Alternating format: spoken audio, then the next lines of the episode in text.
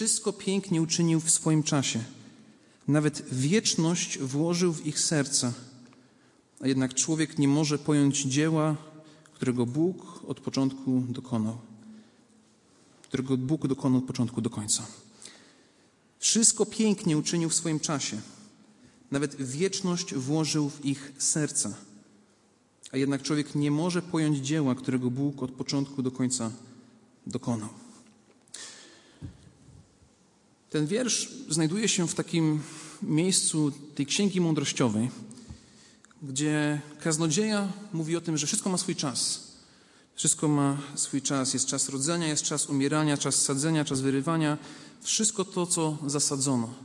I kończy tą taką myślą w wierszu 11, gdzie mówi: Wszystko pięknie uczynił w swoim czasie, czyli wszystko ma swój czas, ma swoje miejsce. I również się dowiadujemy, że nawet wieczność włożył w ich serca. I właśnie na tym zdaniu chciałbym się skupić w dzisiejszym kazaniu, ponieważ wbrew pozorom to nie jest takie oczywiste dla wielu ludzi żyjących w naszym świecie.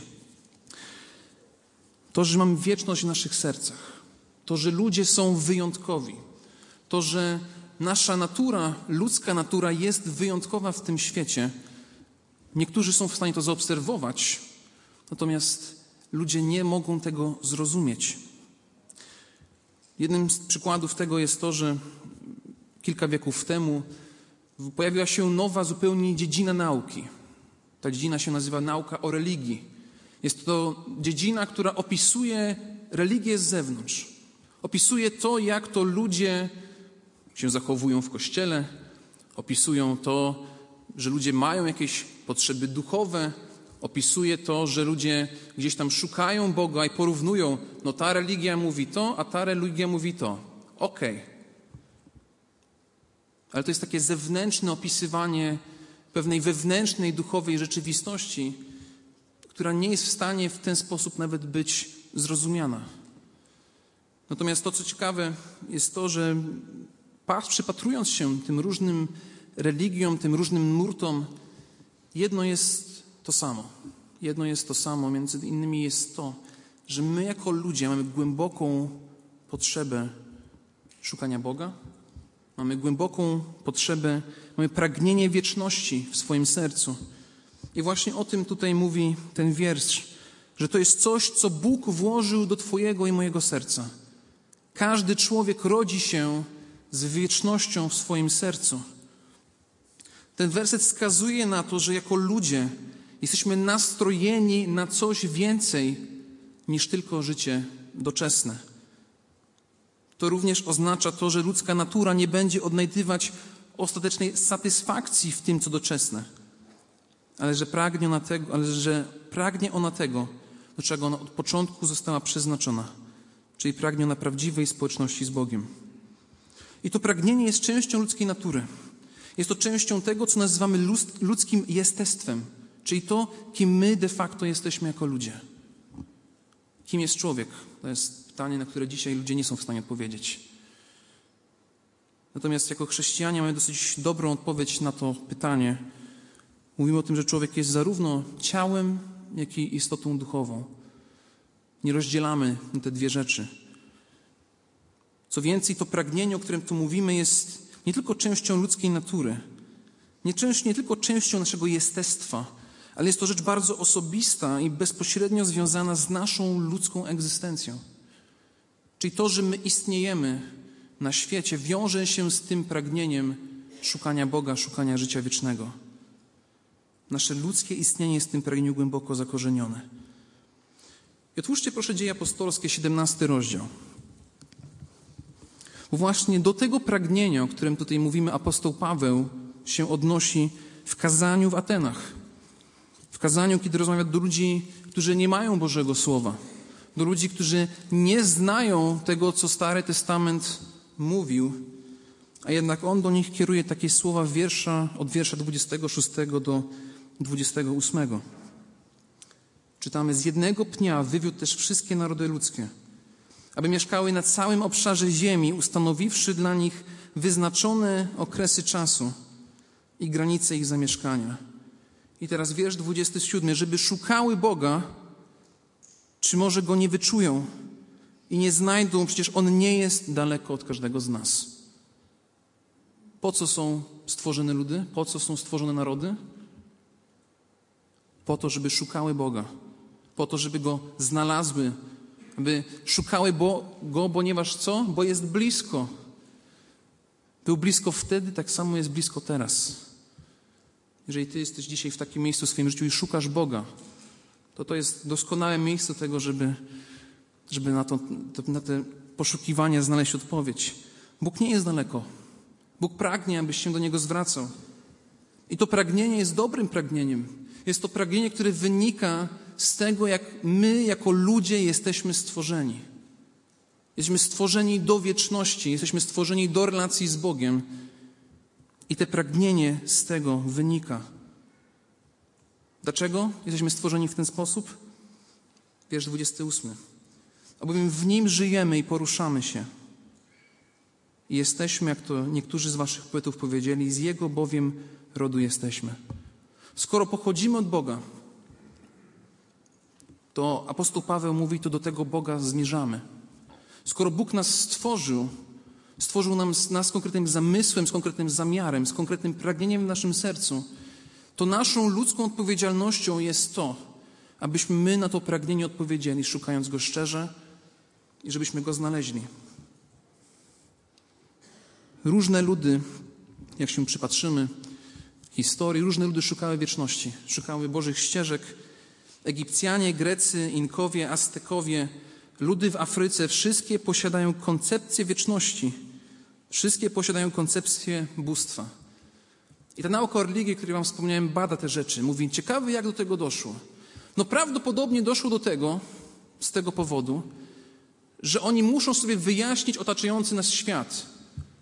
Bo to nie są tak rozwinięte cywilizacje, że jeszcze nie wiedzą, jak to jest. My już wiemy, ale oni w historii nie wiedzieli, więc musieli wymyśleć pewne teorie na temat tego, jak to właśnie jest, że my jesteśmy tu na świecie. I odpowiedzią nie jest to, że naszym pragnieniem i naszym celem na ziemi jest szukanie Boga. Odpowiedzią jest to, że ludzie byli zbyt głupi, aby móc poznać nasze prawdziwe znaczenie. Do tego to się sprowadza.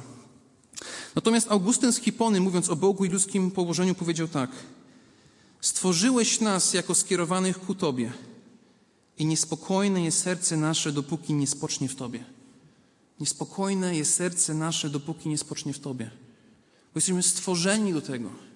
Dlatego chrześcijaństwo różni się od wszelkich naturalistycznych, i o tym sobie też za chwilę jeszcze więcej powiemy, poglądów, ponieważ wykazuje, że człowiek jest czymś innym jak maszyna, człowiek jest czymś innym niż zwierzęciem. Mamy pragnienia, mamy cele, mamy rzeczy, które wiążą się i wynikają z tego, że my jesteśmy bytami duchowymi, cielesnymi i duchowymi zarazem. Więc dzieją się w naszym życiu, w naszych myślach, w naszych postępowaniach rzeczy, które na to wskazują.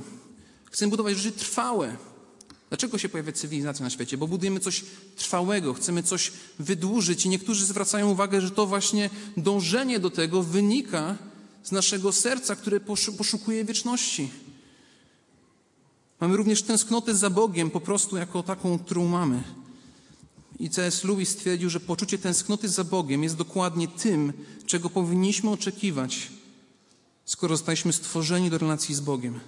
Jedno musi wypływać z drugiego. Jeżeli zostaliśmy w ten sposób stworzeni, to powinniśmy oczekiwać tego, że w naszym życiu będą się pojawiały te pragnienia. Skoro Bóg nas tak przeznaczył, taki cel nam włożył, to tego powinniśmy chcieć i tego powinniśmy pragnąć. I z czego to pragnienie wynika? Dlaczego nasza dusza, nasze życie wiąże się z wiecznością? Odpowiedź na to pytanie wynika z tego, że ludzka dusza jest nieśmiertelna. Dlaczego tak się dzieje? Dlaczego ludzie mają tak głębokie pragnienie Boga? Dlaczego ludzie mają poczucie wiecznego przeznaczenia? Właśnie wynika to z tego, że nasze ludzkie dusze są nieśmiertelne. Ktoś mówi, ale jak to? Jak to jest możliwe? Otwórzcie proszę Ewangelię Mateusza, 10 rozdział, wiersz 28. Ewangelia Mateusza, rozdział 10, wiersz 28. To są słowa Jezusa. Jezus mówi tak: I nie bójcie się tych, którzy zabijają ciało, ale duszy zabić nie mogą. Bójcie się raczej tego, który może i duszę, i ciało zniszczyć w piekle. Widzimy w tym wierszu dwie rzeczy. Pierwsza jest taka, że człowiek składa się z ciała i z duszy, czyli jest rzeczywistość materialna, cielesna, jest rzeczywistość duchowa. A po drugie, ciało jest śmiertelne i niszczeje, natomiast duszy fizycznie zniszczyć nie można. Jeżeli my umieramy na ziemi, to nasza dusza żyje dalej. Nasza dusza nie ginie wraz z ciałem. I podobną rzecz możemy zobaczyć w Księdze Kaznodziei 12:7, gdzie czytamy: Wróci proch do ziemi, tak jak nim był. Duch zaś wróci do Boga, który go dał. Duch zaś wróci do Boga, który go dał. Skoro Bóg jest tym, który daje nam duszę, który nam daje życie duchowe, to nasza dusza wróci tam, skąd pochodzi, skąd wróciła.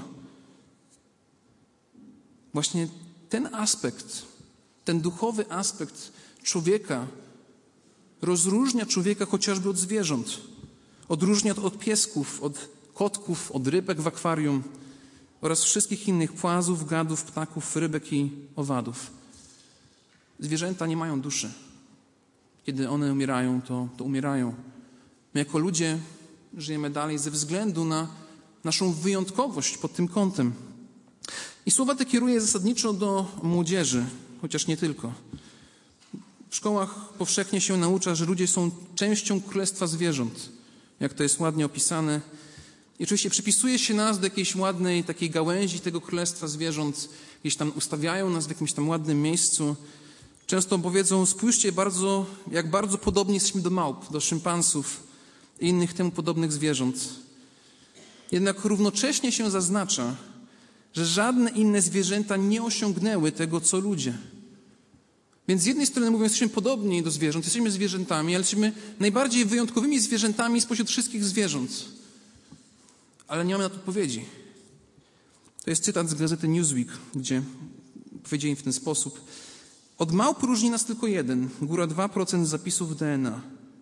Ale to my budujemy stacje kosmiczne. My podróżujemy samolotami, to my mamy Szekspira i Einsteina wciąż skaczą po drzewach. Jak to możliwe? Biolodzy i antropolodzy, którzy od lat bezskutecznie próbują znaleźć wyjaśnienie tej zagadki, prawdopodobnie trafili na właściwy trop. Od lat nikt nie jest w stanie na to pytanie odpowiedzieć. Nikt w stanie jest wyjaśnić tego fenomenu, jakim jest człowiek, to co człowiek czyni tu na Ziemi. A teraz prawdopodobnie trafia się na trop tego, jak udzielić na ten temat odpowiedzi. Ludzie się boją stwierdzenia dogmatycznego, powiedzenia, no człowiek jest taki. Bo gdyby tak stwierdzili, musieliby stwierdzić, dobrze, skoro człowiek jest istotą duchową, to znaczy, że jest jakaś rzeczywistość duchowa, która nas otacza. Także z jednej strony jest rozpoznanie ludzkości i jej wyjątkowości. Natomiast z drugiej strony jest błędna ocena tego, z czego ta wyjątkowość wynika. Ten sposób myślenia, wynikający z przytoczonego cytatu, pojawiający się w szkołach i nie tylko, w telewizji, w mediach, wynika ze spojrzenia na świat zwanego naturalizmem. Oznacza to tyle, że w tej perspektywie istnieje tylko to, co materialne. Nie ma rzeczywistości duchowej. Nie ma miejsca na, czegoś, na coś takiego jak ludzka dusza, nie ma miejsca na coś takiego jak właśnie nasze pragnienia, które szukają wieczności nie ma miejsca na świat duchowy. I stąd ten pogląd stwierdza, że ludzkość to jest tylko coś więcej niż zwierzęta albo zwierzęta, ale takie lepsze. Pismo jednak rozróżnia na to, jak powstał człowiek, od tego, jak powstały zwierzęta. Nie wiem, czy kiedyś na to zwróciliście uwagę, ale w Księdze Rodzaju czytamy, że zwierzęta powstały tak. Utworzył więc Pan Bóg z ziemi wszystkie zwierzęta i wszelkie ptactwo i przyprowadził do człowieka, aby zobaczyć, jak je nazwie – a każda istota żywa miała mieć taką nazwę, jaką nadaje człowiek. To jest Księga Rodzaju, drugi rozdział, wiersz 19. Natomiast ludzkość powstaje tak. Ukształtował Pan Bóg człowieka z prochu ziemi i tchnął w nozdrza jego dech życia. Wtedy stał się człowiek istotą żywą. Więc z jednej strony obie te istoty powstają z ziemi, Ale w kogo Bóg tcha swojego ducha? W kogo Bóg wkłada oddech życia? Oddech życia pojawia się tylko w człowieku. Pojawia się tylko w istocie ludzkiej. Bóg jest tym, który poprzez swój dech ludzi ożywił. I oddech Boga, jeżeli byśmy spojrzeli szeroko na ten termin w Starym Testamencie, on się wiąże często z życiem duchowym. Że to, co Bóg tchnie w życie, to to po prostu jest żywe. To również się potwierdza z tym, jak Bóg zaplanował człowieka jako tego, który jest wyjątkowy, ponieważ tylko człowiek jest stworzony na Boży obraz i Boże podobieństwo. I o tym czytamy również w Księdze Rodzaju. Potem rzekł Bóg, uczyńmy człowieka na obraz nasz, podobnego do nas i niech panuje nad rybami morskimi i nad ptactwem niebios i nad bydłem i nad całą ziemią i nad wszelkim płazem pełzającym po ziemi. I stworzył Bóg człowieka na obraz swój, na obraz Boga stworzył go. Jako mężczyznę i niewiastę stworzył ich. Bóg stwarzając człowieka na swój obraz, nadaje mu szczególne znaczenie, szczególne przeznaczenie. I tym przeznaczeniem jest to, żeby ludzie byli w relacji z Nim. Jeżeli znamy dobrze historię początku ludzkości, to widzimy, że wszystko w tej relacji jest w porządku do czasu, aż człowiek zgrzeszy. Ta cudowna więź zostanie zerwana w wyniku grzechu.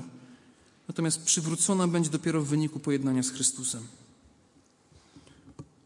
Nieśmiertelność duszy jest również istotna z jeszcze jednego powodu.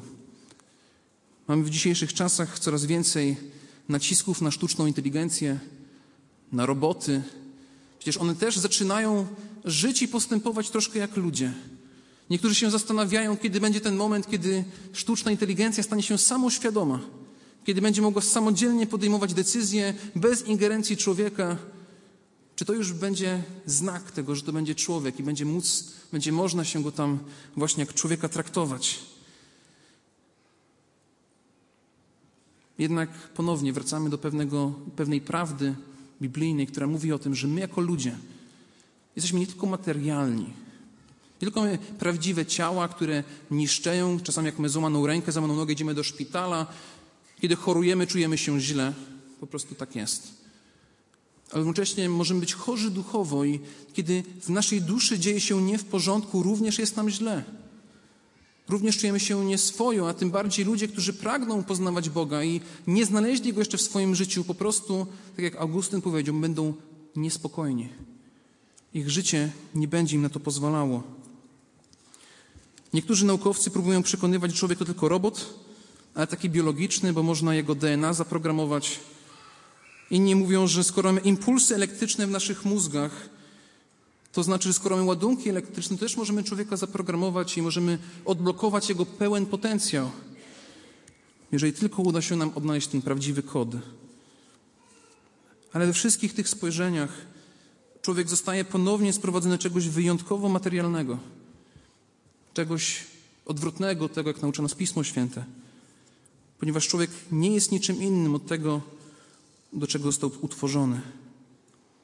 Właśnie tego biblijny pogląd pokazuje istotę nieśmiertelności duszy. Tego, że ta wieczność w naszych sercach sprawia, że my jesteśmy istotą na Ziemi, która się wyróżnia spośród wszystkich istot, wszystkich programów, wszystkich robotów, wszystkich sztucznych inteligencji, ale przez to sprawia to, że nasze serca potrzebują zaspokojenia wszelkich pragnień i potrzeb duchowych. Jak się tutaj zgromadzamy, to zgromadzamy się z tego powodu, że mamy pragnienia i potrzeby duchowe, które muszą być zaspokojone, muszą być nakarmione, bo inaczej w naszym życiu może być ciężko, może być trudno, może być źle. Kiedy nasza relacja z Bogiem cierpi, to nasze życie też cierpi. A być może jesteś dzisiaj na nabożeństwie, ponieważ masz właśnie pragnienie głębszego poznania Boga, albo może chcesz poznać tego prawdziwego Boga, który zaspokoi wszelkie te potrzeby, które gdzieś tam się zdradzają z tego powodu to właśnie mam nadzieję, że teraz dostaniesz odpowiedź na to, jak zaspokoić to pragnienie. Otwórzmy proszę Ewangelię Jana, czwarty rozdział. Czytamy wiersze od 13 do 14, a potem szósty rozdział również Ewangelii Jana, bo te dwa fragmenty wskazują na bardzo, bardzo podobną rzecz. Ewangelia Jana, czwarty rozdział, wiersz od 13 do 14 brzmi tak. Odpowiedział jej Jezus, mówiąc, każdy, kto pije tę wodę, znowu pragnąć będzie. Ale kto napije się wody, którą ja mu dam, nie będzie pragnął na wieki. Lecz woda, którą ja mu dam, stanie się w nim źródłem wody wytryskującej ku żywotowi wiecznemu. I w rozdziale 6, wiersze 33 do 35 brzmią tak. Albowiem chleb Boży to jest ten, który z nieba wstępuje i daje światu żywot. Wtedy rzekli do niego, Panie, dawaj nam zawsze tego chleba. Odpowiedział im Jezus, ja jestem chlebem żywota. Kto do mnie przychodzi, nigdy łaknąć nie będzie. A kto we mnie wierzy, nigdy, uwaga, pragnąć nie będzie. Kto wierzy we mnie, nigdy łaknąć nie będzie, nigdy pragnąć nie będzie. O czym tu mówi Jezus? Czy on mówi o prawdziwym chlebie, że teraz trzeba jakiś chleb i Jezus będzie dawał cały czas jakiś chleb i to będzie jakiś automat, który będzie wydawał chleba i ten chleb się nie będzie kończył? To byłoby dobre perpetuum mobile takie na wszelkie potrzeby nasze w dzisiejszym świecie. Wiemy, że Jezus nakarmiał ludzi chlebem i czynił to kilkukrotnie w Nowym Testamencie. Rozmnażał chleb, żeby ludzie również mieli swoje potrzeby fizyczne zaspokojone. Ale tutaj Jezus mówi o czymś o wiele bardziej doniosłym, o czymś, co wykracza poza to, o czym tutaj ludzie myślą. On mówi o ich najgłębszych potrzebach duchowych. Zarówno chleb, jak i woda są symbolami lub tym, czego my jako ludzie potrzebujemy. Potrzebujemy jeść i potrzebujemy pić. Bez tego umieramy. Jezus mówi: Jeżeli masz mnie, jeżeli wierzysz we mnie, to nie dość, że nie będzie, będziesz żył na wieki, to te pragnienie i głód i pragnienie będzie zaspokojone. To, czego szukasz, to kogo szukasz, to nie jest coś, to nie jest bezosobowy Bóg, to jestem ja, Jezus Chrystus. Jestem tym, który jest chlebem żywota, tym, który jak uwierzysz we mnie, Twoje potrzeby duchowe będą zaspokojone. Znajdziesz to, czego szukasz w swoim życiu i będziesz miał życie wieczne. Chrystus pokazuje, że celem ludzkiej natury jest poznanie Go. Bez Niego nasze serca będą wciąż niezaspokojone. Co więcej, nie odchodzi się tutaj o jakiegoś doczesne pragnienie, tego, żebym tutaj dobrze się czuł, będąc na ziemi. Ale odnosi się do, do zaspokojenia pragnienia wieczności. Jezus mówi o tym, że kto w Niego uwierzy, stanie się źródłem tryskającym ku żywotowi wiecznemu. Ta wieczność zrodzona w ludzkich sercach znajduje swoją odpowiedź w Chrystusie. Apostoł Paweł idzie dalej z tą myślą. W liście do Filipian czytamy, bowiem jedno i drugie mnie pociąga. Pragnę rozstać się z życiem i być z Chrystusem, bo to daleko lepiej. Lecz z drugiej strony pozostać w ciele to ze względu na was rzecz potrzebniejsza. A to wiem na pewno, że pozostanę przy życiu i będę z wami wszystkimi, abyście robili postępy i radowali się wierze.